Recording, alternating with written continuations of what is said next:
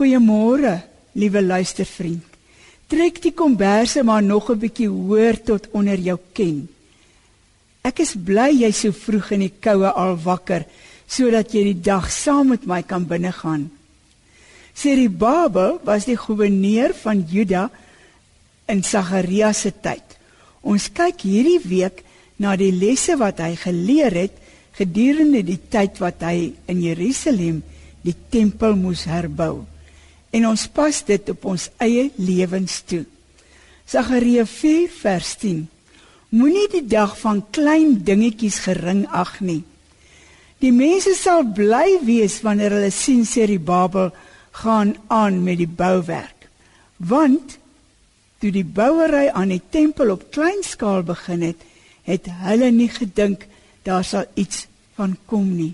Dis die nuwe lewende vertaling.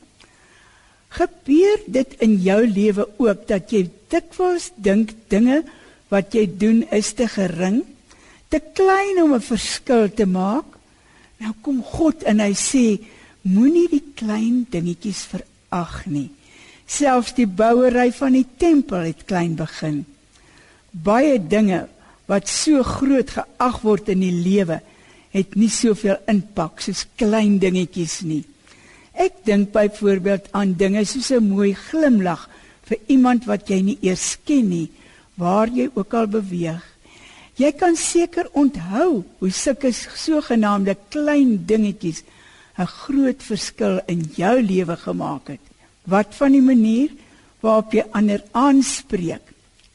Hulle het jou moontlik goeie rede gegee. Daar is niks meer verkeerd om iemand te reg te wys nie. Maar die vraag is, hoe doen jy dit? Daar is nooit 'n rede om vanuit die hoogte op iemand neer te sien en met hom of haar so te praat nie. Down talk noem die Engelse dit. Hoe praat jy met ouer mense? Ou paatjie, kom ons sluk tog gou die ou pilletjies. Klein dingetjies kan nie slegs opbou nie, maar hulle kan ook afbreek. Moenie die klein dingetjies geringskat nie, sê die Bybel. Dankie Jesus dat U in ons wêreld ingekom het as 'n klein magtelose babatjie en nie as 'n magtige koning nie. Amen.